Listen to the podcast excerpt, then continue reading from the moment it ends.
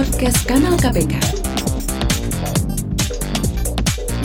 Podcast Kanal KPK.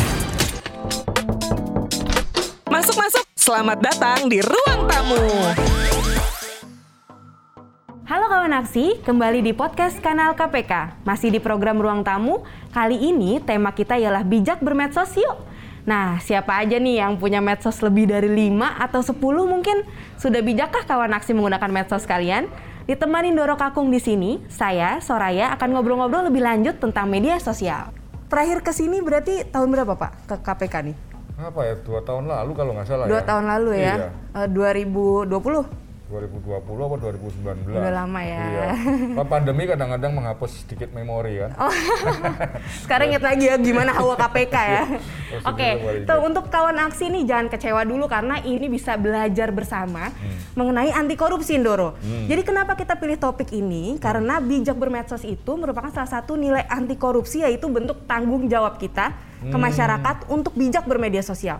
Oh, Gitu, gitu. Nur, Ya, kira-kira ya. Saya bahkan baru tahu loh ini ada apa soal nilai anti korupsi itu ya. Jadi korupsi. kita ada sembilan nilai anti korupsi Ndoro. Oke. Salah satunya tanggung jawab dari jujur, peduli, mandiri, disiplin, ada tanggung jawab. Hmm, menarik, menarik, menarik. Oke Ndoro, aku ingin tanya nih sebenarnya nih. Hmm. eh, sebenarnya bagaimana sih karakteristik pengguna media sosial di Indonesia saat ini? Hmm, karakteristik ya. Ya. Yang pertama tentu saja uh, pengguna media sosial itu banyak sekali. Mhm. Udah 190 juta lebih kan.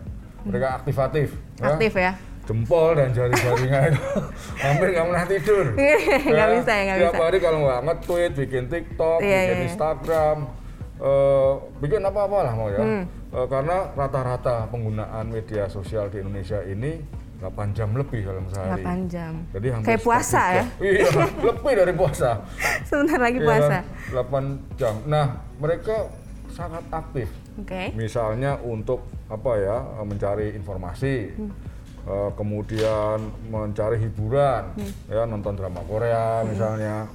Ke- kemudian untuk bersilaturahmi dengan keluarga, tetangganya, untuk mencari ide, Hmm. Mencari jodoh mungkin? Jodoh juga. Nah, itu menarik tuh. Aduh. Dalam rangka mencari jodoh itu ada fenomena menarik. Kamu tahu nggak? Oh, apa tuh? Udah nonton film Tendler Swindler? Oh sudah dong tentu Ah. saja. Sakit hati saya menjadi cewek, Nah, aduh. itu kan yang namanya Simon Levin itu, ya kan? Itu kan dalam kehidupan nyata di Indonesia juga ada. Mhm. Kemarin baru terungkap kan. Nah, itu adalah salah satu contoh apa yang dilakukan oleh eh, netizen warganet plus 62 di zaman sekarang. Mhm, oke. Melakukan apa yang namanya catfishing Catfishing ya, ya. eh, memanipulasi identitas untuk menipu orang lain bisa lewat aplikasi dating kencan gitu ya atau Media sosial, media sosial. oke. Nah itu yang perlu diwadasi, diwaspadai oleh teman-teman. Tapi katanya orang Indonesia sendiri itu nggak sopan ya? Oh iya, ada surveinya, ya kan? Ada surveinya dari sebuah perusahaan teknologi Mhm. eh, itu menyebutkan eh, bahwa warganet gitu adalah eh, tidak paling tidak sopan di Asia Tenggara gitu kan. Oke. Nah, itu udah contoh yang positif. Meskipun sebetulnya banyak orang Indonesia warganet plus 62 yang menggunakan media sosial untuk hal-hal yang Positif. Banyak. Contohnya Doro ya. Eh. Amin gitu kan. Oke. KPK kan juga menggunakan media sosial untuk hal-hal yang positif. Oke, iya salah satunya KPK gitu ya. Betul. Nah, Doro kalau misalkan ngomong tentang KPK tadi nih ya, Hmm. kalau sekarang Doro melihat nih Hmm. akunnya KPK gitu ya, itu seperti apa gitu? Eh, Analisanya dari Doro dulu deh. Hmm, oke. Ya, saya kira yang pertama akun KPK ini kan adalah Dan dilihat dari segi netizennya ya. netizen. Nah, netizennya, ya. Yang kawan pertama aksinya. kita melihat faktanya dulu lah. Akun KPK ini baik di Instagram, di Twitter, salah satu akun pelopor lah dari lembaga tinggi negara yang aktif di media sosial. Followernya juga banyak, ya. Dan aktif ini yang saya yang penting ya. Akun KPK ini aktif. Aktif ya kawan aksinya ya. aktif. Aktif Iya apa kan? nih, Mas? Ya aktif memperbarui konten lah gitu ya. Nah, Perbarui konten. itu kan salah satu hal yang harus apa saya apresiasi Mhm. juga gitu. Karena ada banyak akun pemerintahan yang eh, hidup cuma tiga bulan setelah itu hiatus atau non aktif. Ya meskipun bukan akun lembaga besar gitu ya, tapi ada juga yang begitu. Nah KPK adalah salah satu eh, lembaga pemerintah yang akunnya secara konsisten update terus.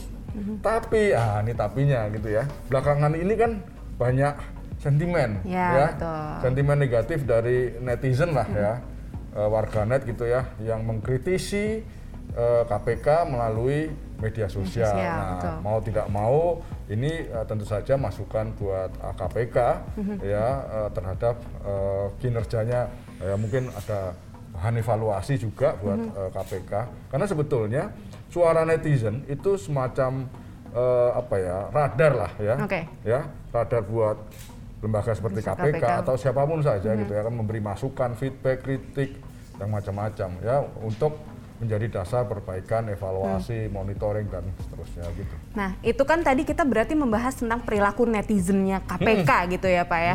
Sekalian Indoro aku juga mau tanya, sebenarnya seperti apa sih eh, seperti apa pembahasan tentang perilaku yang harus dihindari gitu ya?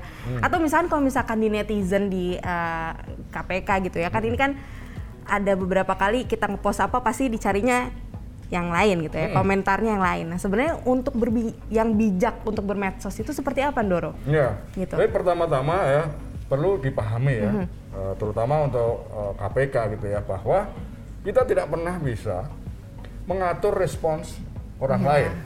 Oke. terhadap apa yang kita produksi di media sosial. Mhm. Jadi kalau KPK memperbuat konten disebarkan, selalu ada berbagai macam reaksi, respon, baik yang positif maupun negatif, Betul. ya.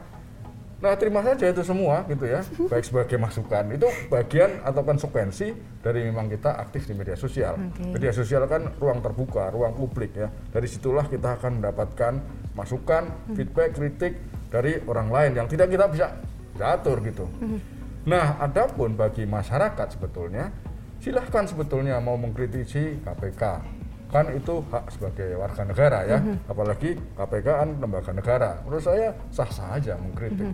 Cuman jangan sampai ya kalau menggunakan bahasa itu ya mengkritik kan beda sama maki-maki. Oh iya iya iya, berarti mengkritik itu nggak apa-apa, tapi apa-apa, maki-makinya boleh. jangan, ya kan. sebaiknya dihindari lah. Oke. gitu. Eh, karena apa? Karena nanti orang akan eh, melihat kualitas eh, kita. Kalau sering-sering maki-maki sering marah-marah apalagi menggunakan kata-kata yang tidak pantas ya toh yang penting kritik itu kan sebenarnya dibutuhkan oleh siapa pun Betul. yang penting pesannya diterima oleh yang yang dikritik gitu jadi bung- apa bungkusnya itu yang penting apa bungkusnya yang baik-baik aja yang penting kan isinya Ya. ya dideng supaya didengarkan Dan KPK-nya juga menjadi berbenah ya, habis itu, gitu kan ya. Kan Oke. sama lah kalau kita diberitahu uh, oleh orang lain ya kalau kita sedang bekerja Hmm. Akan kita akan lebih mudah menerima kalau di apa uh, atau diberi masukannya itu konstruktif. Konstruktif, Tapi kalau misalnya ada teman kita atasan kemudian marah-marahi dengan bahasa yang kasar kita Udah males ya, Iya, jadi ada self defense gitu. memperbaiki diri, malah jadi antipati, Oke. malah jadi cuek, malah nggak peduli. Berarti tadi kan sayang. ngomongin perilaku yang bijak itu satu, jangan maki-maki nih, gitu Iya, kan. Kemudian betul. apalagi Indoro yang bisa diambil. Nah, oke. Nah, sebetulnya ya sebaiknya ada kesadaran dalam uh, diri para pengguna media sosial. Yang pertama adalah anggap semua yang ada di internet, Mhm. di media sosial itu belum tentu benar Mhm. sampai terbukti sebaliknya. Kalau terbukti itu benar gitu ya. Ya. Research dulu Betul, berarti. ya. Oke. Mhm. Kalau kita ragu-ragu, tidak tahu ini benar atau salah, ya sudah diamkan saja. Apal- Jangan sampai disebar-sebarkan juga. Santai aja kita melihat karena di media sosial itu ada banyak orang dengan banyak kepentingan. Iya. Ada yang kepentingannya baik, ada yang tidak baik. Jangan sampai kita diombang-ambingkan oleh berbagai kepentingan itu. Oke. Gitu ya. Nah, kemudian ya kalau kita ingin merespons, yang pertama-tama jangan kita usahakan mengendalikan Emosi. jempol eh, yang pertama kepala harus dingin hati dingin juga gitu kan jempol dan ah, jemari kita ini loh jangan sampai terlalu ringan jangan sampai kayak eh, apa namanya eh, istilahnya itu happy clicking monkey Happy clicking monkey, oke. ya. Jadi monyet Semuanya aja ya, Iya, ketik-ketik monyet- semua, monyet. enter enter gitu ya. Kesenangan Oke. karena eh, menemukan tombol loncat-loncat bagi komen nah, gitu, seperti Oh, iya, itu ya. gitu ya. Tahan diri lah gitu ya. Jangan sampai menyerang orang lain, Mhm. menyerang fitnah misalnya gitu ya. Apalagi menyebarkan hal-hal yang tidak benar Mhm. atau yang disebut sebagai hoax gitu ya. Kenapa? Karena kita punya undang-undang Oke. gitu. Nah, supaya kita terhindar dari masalah di internet, di media sosial, sebaiknya kita melek digital. Hmm, Oke. Kita punya literasi digital yang baik. Ada empat pilar literasi Oke. digital. Yang pertama apa? Jadi ya eh, literasi digital atau kecakapan digital itu dibangun satu dengan kita harus terampil secara digital. Terampil. Terampil digital itu tahu menggunakan gawai, tahu cara mengirim email, cara membuat akun. Oh nggak gaptek ya? Ya, nggak terampil. gaptek. Nah, Oke, nggak terampil digital. Pilar Ya. pertama nggak boleh gaptek, Nggak ya boleh kan? gaptek. Yang kedua, Dua. ya kita sudah nggak gaptek, tapi Hmm. kalau kita mau apa namanya meng- beraktivitas di media sosial harus jaga etika digital. Etika digitalnya. Nah, harus jadi oke. keterampil, kemudian etika digital. Etika digital apa itu? Ya sama dengan etika yang sehari-hari. Selain. Oke. itu, kita juga harus menjaga namanya keamanan digital. Oh dari segi akun kita ya berarti Iya, ya? Oke, ya. oke. Keamanan akun kita menjaga password, Jangan- juga data-data pribadi. Jangan sampai foto KTP diunggah Nah, ya kan? apalagi dijual Iya, di pinjol. NFT, misalnya gitu di kan. NFT. Jangan Oke, ada sampai, ya? Iya. Ketahuan. Yang terakhir ya adalah budaya digital. Budaya digital. Iya, jadi bagaimana sih berbudaya di era digital, di ranah digital Oke. gitu ya, yang sesuai dengan budaya bangsa kita. Untuk Gitu. bertanggung jawab dalam menggunakan media sosial ternyata panjang ya, Ada banyak pilarnya Ya, ada empat ini dulu ya. dikuasai. Ini keterampilan dasar. loh. Iya. Jadi untuk orang-orang awam lah ya harus baiknya menguasai empat kecakapan digital. Hmm. Jadi keterampilan digital, keamanan digital, etika digital dan budaya digital. Oke, kalau misalkan nih eh, Doro, eh, itu kan sangat banyak ya stepnya ya. Ada nggak sih cara mudahnya gitu? Eh udah Ah. deh, yang penting ini aja biar bisa jadi bijak Oke. gitu. Ya, yang penting Hah. saring sebelum sharing. Oh, saring sebelum sharing ya. Oke, itu bisa jadi quotes. Iya, saring sebelum sharing. Jadi bijak bermedia sosial itu intinya saring sebelum sharing. kan. Mm-hmm. Ada lagi juga beberapa eh, apa namanya hal yang perlu dicermati. Kalau disingkat think, T H I N K. Kak, oke, think. Think yang pertama adalah true. Apakah konten yang akan kita bagi atau Mm-hmm. kita akan konsumsi itu sesuatu yang benar? Oke. Ya. Kemudian H. Kok jadi lupa H-nya Habis nggak ya? Oh, Boleh lihat dulu. Oh, helpful. Oke. Helpful, ya. Apakah konten True, yang akan helpful. Mm-hmm. Ah. Kemudian I-nya illegal atau enggak? Konten yang Illegal, akan kita oke. Mm-hmm. bagi illegal atau enggak? Kemudian N-nya necessary apa enggak? Oke, Perlu necessary. nggak sih orang tahu curhat kita? Perlu nggak sih orang dengerin curhat Curhat kita? gitu ya? Wah ini kita bilang, Aduh. wah ini kita belum turun nih gaji ke 13 Oh, iya, iya, iya. Ya, Tapi bisa Bonus. jadi itu itu bermanfaat nggak sih sesama yang merasakan iya, gitu, Pak? Sesama, tapi kan Eh. itu kan bisa diketawain orang lain. Nah, Apaan sih ini PNS gitu ya? Iya, gitu. Oke. Itu N-nya necessary. Yang terakhir K-nya K? Jadi Oh, apakah konten atau status yang kita buat itu baik buat orang lain atau jangan sampai menyerang merugikan orang lain mengganggu keamanan Oke. kenyamanan orang lain. Jadi think, Think. think before posting. Oke, think before posting, saring sebelum sharing. Ya, Aduh. Jangan lupa, Iya. posting yang penting, bukan yang penting posting. Oh. Jadi yang diposting yang penting-penting saja. Oke, luar biasa ini saya ingin tepuk tangan. Ah, saya gitu. senang nggak jadi clicking happy monkey sih saya, iya, Pak. Iya, betul. Oke. Posting yang penting. Berarti tadi tips and triknya tuh kayak yang penting tadi saring sebelum sharing, Ya, think before think posting. before posting. Apa yang tadi posting? Yang terakhir posting Think, yang penting, think, bukan yang penting posting. Jadi Oke. yang, di, yang diposting itu yang penting-penting aja. gitu.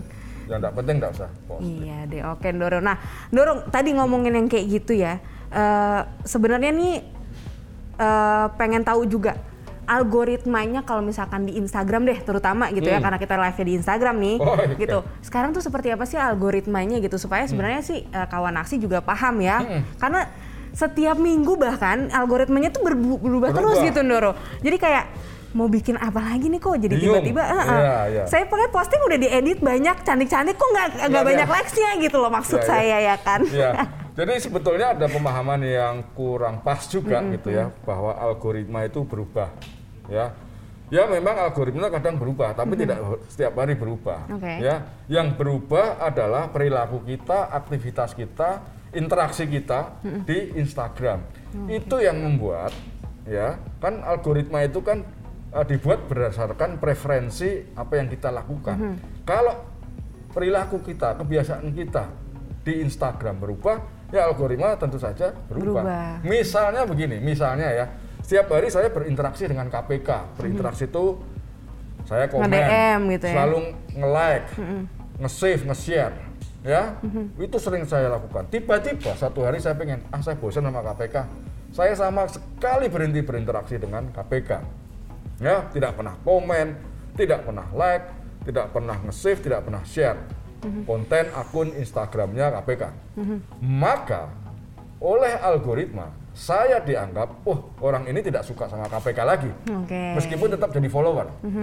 Oleh sebab itu, algoritma memutuskan tidak akan merekomendasikan Unggahan kita. konten KPK di feed atau lini masa Instagram saya.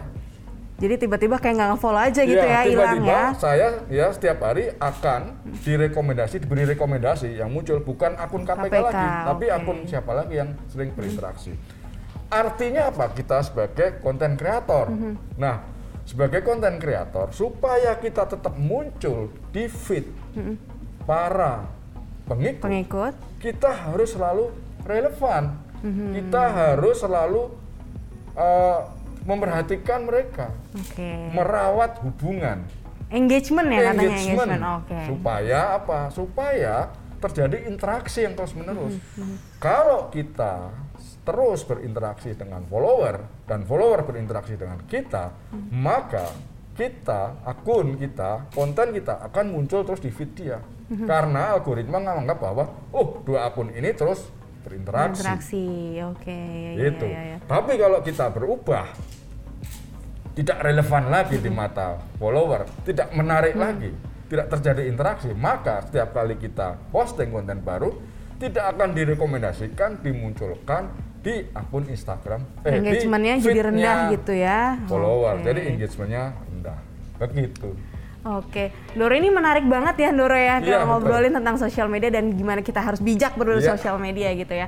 Nah teman-teman boleh ya, ah, kawan aksi boleh kalau misalnya ada pertanyaan buat Ndoro, Hmm. silahkan ditanyakan misalkan gitu ya. Kalau ini saya tuh penasaran juga nih Ndoro ini lucu-lucuan aja ya Ndoro Oke, ya. oke. Kan kalau misalkan kita punya mantan nggak boleh stalking nih Ndoro. Punya Tapi mantan nggak boleh stalking ya, ya, ya. berarti kalau nggak di love berarti nggak keluar dong di lini di lini masa saya. Iya, tapi kan gini, meskipun tidak direkomendasikan, kalau kita memang mantan yang kepo, Iya. kan setiap hari kita kan akan membuka akun tersebut. Heeh. Nah, oleh sebab itu, oleh algoritma akan dicatat, oh ini orang kepo, Oke. ya kan? Maka Tetap keluar. tetap keluar. Oh serius? Iya. Oh gitu ya. Apalagi kalau kita stalkingnya di story. Oh stalking di story pasnya dilihat berkali-kali gitu. Iya. Kan di story itu kita bisa melihat siapa yang nge-view story kita. Ya kan? Jadi kalau ada mantanmu kepo storymu, maka kamu bisa melihat, woi mantanku tadi malam datang jam segini lihat storyku. Oke. Hmm. Jadi jejak digitalnya tercatat. Ada ya. Iya. Jadi daripada kepo, mendingan cari yang baru aja. Oke. Daripada kamu mencari yang baru. Ini quotes yang ke berapa kalinya ya Ndoro ya? Dari Ndoro loh langsung Iya, iya, gitu ya. iya. Oke, Ndoro ini ada pertanyaan menarik dari netizen. Waduh. Katanya gini, gimana cara terbaik kami sebagai netizen mendukung upaya pemberantasan korupsi, terutama berarti di media sosial nih, Ndoro? Oh di media sosial. Oke. Yang pertama, yang paling sederhana, ya. Doakan agar adminnya itu selalu Doa. sehat. Minimal itu selemah-lemahnya kan. Doakan. Doakan selalu sehat dalam situasi Iya, iya, iya, pandemi iya. ini. Kan kasihan kalau adminnya tiba-tiba Collapse sakit, gitu ya. ya kena wabah semua nggak bisa kerja. Jadi minimal usahakan itu selemah-lemah atau segampang-gampangnya usaha, ya. Oke. Nah kemudian yang bisa dilakukan ini agak serius sarannya adalah ya sering-seringlah berinteraksi Dengan KPK, official dengan KPK, ya? Oke. Berinteraksi itu memberi like, komentar, sharing gitu ya. Syukur-syukur di-share. Kalau bikin reels, bikin reels bareng. KPK gitu Nah, atau kan bisa di remix. Oh gitu. Ah. Jadi KPK bikin video apa terus diedit Di-remix. gitu ya. Oke. Iya. Jadi itu menarik. Hmm. ikut menyebarkan konten-konten atau pesan-pesan KPK Oke. kepada halayak di luar halayaknya KPK. KPK. Kan KPK punya audiens sendiri. Mhm. Kalau ada followernya, ikut menyebarkan. Jadi makin luas audiensnya, Iya betul betul. ya kan? Jadi begitu cara uh, untuk ikut mendukung gerakan anti korupsi, pesan-pesan positif dari KPK. Mhm. Nah itu ikut menyebarkan it- apa konten-kontennya. Mhm. Jadi yang namanya reach, yang namanya engagement, makin luas Betul. gitu akan makin eh, akun-akun lain yang semula nggak tahu KPK belum jadi follower Mhm. jadi tahu pesan-pesan bagus dari KPK gitu Iya sih benar banget ya, karena kan kayak misalnya tentang LHKPN aja ya, ya, masih ya. banyak netizen atau masyarakat Ya, yang belum tahu. tahu kalau ternyata kita bisa ngecek harta kekayaan pejabat negara Betul, gitu kan, dan betul. itu semuanya terbuka, gitu kan, Terbuka. open for public. Betul. Oke menarik ya Mendoro ya. Tadi Iya, jadi iya. yang pertama doakan adminnya agar Ya, sehat selalu Kemudian eh, sering berinteraksi dengan Interaksi. KPK dan Iya. juga eh, membuat postingan tentang pemberantasan korupsi tapi di mix dengan apa yang punya Iya. KPK punya agar Iya, tadi engagement and betul. reach langsung lebih banyak. Yang kedua, eh, saya sering komen kalau ada pejabat korup di platform media sosial. Mm-mm. Kalau saya menjelekkan pejabat itu dengan nada kasar, bisakah saya dituntut dengan ujaran kebencian? Nah, Ya, ini kayaknya bisa. penting banget nih. Kalau bisa sih bisa. Kalau pejabat tersebut tersinggung dan merasa nama baiknya dicemarkan gitu ya. Karena misalnya eh, kalau karena gini, dalam undang-undang kita, undang-undang informasi transaksi transaksi elektronik begitu ya. Eh, memang ada pasal yang mengatur soal pencemaran nama baik, penghinaan gitu ya. Tapi yang mengadukan harus orang yang merasa dihina. Hmm. Jadi misalnya ada akun Twitter apa menghina Saya. atau ingat mengguna apa eh, menghina Soraya Soraya. saya nggak bisa membuat tuntutan atau laporan harus Soraya sendiri Oh, itu gitu. Kayak- mengatakan begitu Saya merasa dijelekan nih, sakit hati gitu ya. Mm-mm. Beda kalau saya sabar dan konaah gitu. kalau misalnya legowo ya Soraya ya. ah biarinlah namanya juga netizen Indonesia Iya. julid semua Biarkan dibalas Biarkan, Allah, iya. masa gitu. karena fitnahmu akan menghapus dosamu misalnya kan itu ya udah nggak bisa ngapa-ngapain saya nggak bi- nggak punya hak atau legal standing untuk melaporkan, Melaporkan yang tadi. menghina tadi atau Oke. menyebar kabar fitnah, nah, kabar bohong tentang Soraya gitu. Hmm. Jadi kalau urusan pencemaran nama baik, fitnah gitu ya harus yang bersangkutan yang merasa dicemarkan. Oke, gitu. Ndoro. Tapi ini jadi menarik juga sih, Ndoro. Sebenarnya kalau misalkan dari sayanya nih, Hmm. yang udah kena bully gitu ya, Ya, ya. bijak bermedsosnya untuk saya gimana? Saya harus sabarkah? Atau Nah. saya harus melaporkan? Atau Oke. saya harus balik nih ngomong ke dia kayak ngatain lagi Ya, misalkan ya, gitu, ya. balas dendam gitu Ingat kan? tadi saya kan think before posting, Oke oke. Ting. Balik lagi ke sana ya. sharing sebelum sharing. ya jadi Yang- di, di media sosial itu kita kan tidak pernah bisa mengatur reaksi Hmm. orang. Yang pertama itu, yang kedua kita tidak pernah tahu itu siapa yang sebetulnya menyerang kita. Apakah Hmm. memang orang tersebut sesuatu yang real? Atau sebenarnya teman kita sendiri yang ngerjain kita pakai Iya, nama iya, akun iya. Akun lain. lain Fake palsu. account. Nggak tahu kan iya kan Nah, cuman atau orang memang kan banyak orang yang memang suka iseng cari masalah cari Hmm. masalahnya dengan ngetrol istilahnya gitu ya atau mancing-mancing orang lain untuk bereaksi gitu ya Oh, to trolls ya. Iya. gitu ya. Oke. Sebentar nggak ada keuntungan finansial atau keuntungan ekonomi gitu ya, tapi pengen ribut aja dia. Kan banyak orang yang butuh perhatian.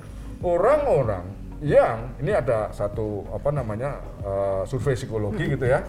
Orang-orang yang pada dunia nyata merasa tidak pernah dihiraukan, dipedulikan, sendirian, tidak diaktualisasi dirinya enggak Nggak. dihargai orang.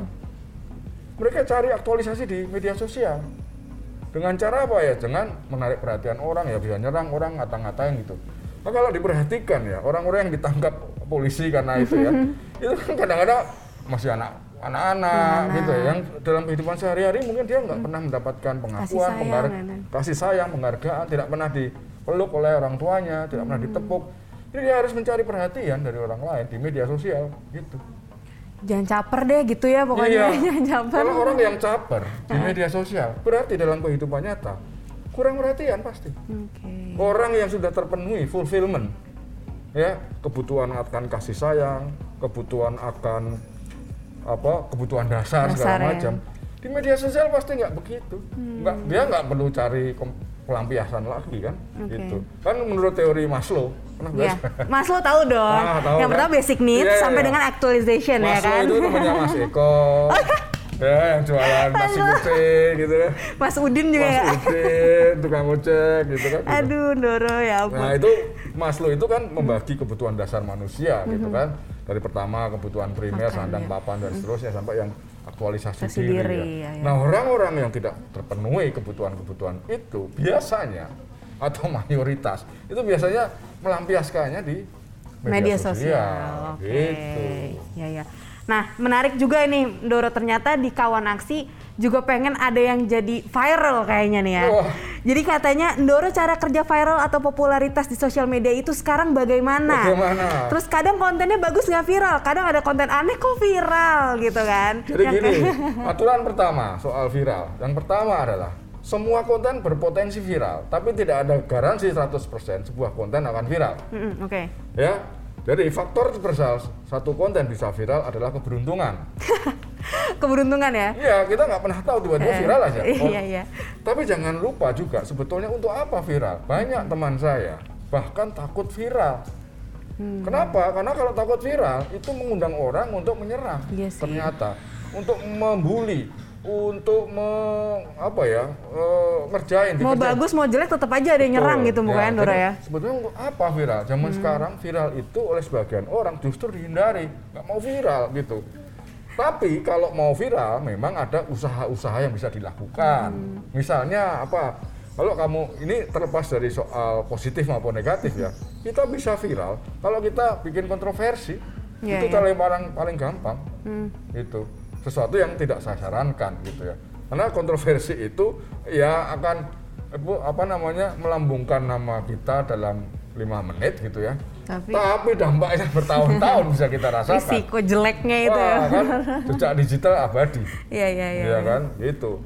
Nah, kalau mau eh, viral karena hal-hal yang positif gitu ya, ada apa namanya beberapa eh, rumus yang meskipun juga tidak bisa dipakai 100% seperti rumus matematika matematika. Media sosial bukan matematika gitu. Ada banyak faktor X yang mempengaruhi viral itu keberuntungan. Tapi kalau syukur-syukur ada upaya gitu ya eh, apa sih upayanya supaya viral ya? Pertama bikinlah konten-konten yang lucu. Yang dekat mungkin ya. ya bentuknya meme. Nyomim oke. ya lucu kan mas. Orang kan selalu suka sesuatu yang menghibur. Oh itu konten jadi konten meme konten informatif ya. Misalnya eh, kayak misalnya kemarin ada parade pembalap MotoGP gitu ya. Terus kita sharing eh, jadwalnya jam berapa ah, itu kan informasi informatif. Ya biasanya viral sesuatu yang informatif. Konten-konten yang berguna buat orang lain. Cara mengikat sepatu misalnya do it yourself. Itu viral biasanya. Kenapa? Karena itu berguna buat orang lain. Jadi orang yang nggak tahu gimana cara mengikat sepatu jadi tahu. Oke. jadi di apa disebarkan. Nah itu beberapa faktor yang kemungkinan besar akan membuat membuat, Membuat uh, viral tadi ya, oke. meskipun tidak ada jaminan Oke, ini kawan aksi kita sudah ada di penghujung acara. Penghujung acara. Penghujung acara nih, Ndoro. Nggak kerasa, ternyata sudah 30 menit kita Wow. bincang-bincang di sini. Iya, seru Nggak ya ngobrol kerasa. sama Suraya nggak terasa Kayaknya yang seru ngobrol sama Ndoro bukan Oh, sama gitu. saya. ya apalah saya atuh ya Oh, iya, kan. iya, iya. Eh, terakhir nih Hmm. untuk kita-kita nih miminnya KPK gitu ya. Ada saran nggak sih biar kita tuh eh, menghadapi komen netizen yang pedas selainnya tadi Ting tadi ya? Iya, Pasti iya. Ting tadi kan masih masuk nih. Hmm, Ada lagi nggak untuk mimin? Iya, yang pertama adalah jaga kesehatan dulu. Di suatu sekarang, kejaga kesehatan adalah Bukan berdoa. nasihat. Oh, Nanti setelah jaga kesehatan dengan cara selalu selalu berdoa supaya Oke. diberi kesehatan dan menjaga kesehatan dengan olahraga, makan yang ini isti- istirahat yang cukup dan seterusnya. Itu yang pertama, ya. Yang kedua, anggaplah semua yang ada di internet tadi kan belum tentu benar. Jadi kalaupun ada komen, kamu harus meragukan ini orang beneran atau bukan. Oke. Even a dog can be on the net. Oh, Iya, itu Iya, ada iya, meme-nya. iya, iya. Jadi eh, apa namanya ada satu foto anjing sedang ngetik di atas eh, keyboard komputer gitu. Ini kita nggak pernah tahu sebetulnya siapa yang itu. Jadi dengan pemahaman seperti itu, santai saja gitu. Kepala harus selalu jernih, berpikir, hati harus selalu dingin di media sosial. Jangan pernah baper, karena kalau misalnya kalau misalnya ya ada akun nyerang KPK, itu yang diserang KPK, KPK ya. Bu. bukan Soraya sebagai admin. Misalnya Tapi kadang kalau- mimin-mimin Oh, Doro mimin, yang mimin. mimin gimana sih Nah, kayak gini-gini gitu kan. jangan baper gitu. Iya, oke. Karena itu baper itu adalah awal atau asal muasal dari banyak hal yang bisa bikin repot. Oke. Termasuk dalam relationship itu kalau baper udah repot kan. gitu. Itu hubungan dengan netizen juga begitu. Iya. Jangan pernah baper, santai Iya. aja. Oke. Ya, kalau diserang, pokoknya kita tutup dulu laptop atau handphonenya. Nanti lihatnya atau bacanya atau bereaksinya ketika kita udah nggak lapar lagi. Udah healing, udah healing. healing. Udah Aku udah healing ya. kan? Udah healing ya, Udah jangan healing, sampai. Jadi ambil lagi. jangan pernah ambil keputusan di saat kita marah. Oke. Pasti nggak bagus. Siap Doro, Wah, luar biasa ini ya kawan aksi ya. Terima kasih banyak Doro untuk bincang-bincangnya ya. hari ini. Eh, jadi kawan aksi, eh, tadi ingat-ingat kata Doro, Hmm. ingat tadi ada rumus ting, Ya. terus ada saring before Sebelum posting. Oh, think before posting. ting before posting, Saring sebelum sebelum posting, posting, posting yang penting, bukan yang penting posting. Oke kawan aksi, sekian dari kami. Terima kasih sekali lagi Doro Sama Kakung. Jangan eh, kapok ya untuk kita ngobrol Ya. lagi di sini. Semoga apa kata-kata saya berguna buat Wah, sangat berguna dong. Jadi teman-teman jangan lupa untuk bijak bermedsos karena merupakan salah satu pengamalan nilai anti korupsi yaitu bentuk tanggung jawab. Sekian podcast kanal KPK, saya Soraya, pamit undur diri, sampai jumpa di ruang tamu selanjutnya. Salam anti korupsi.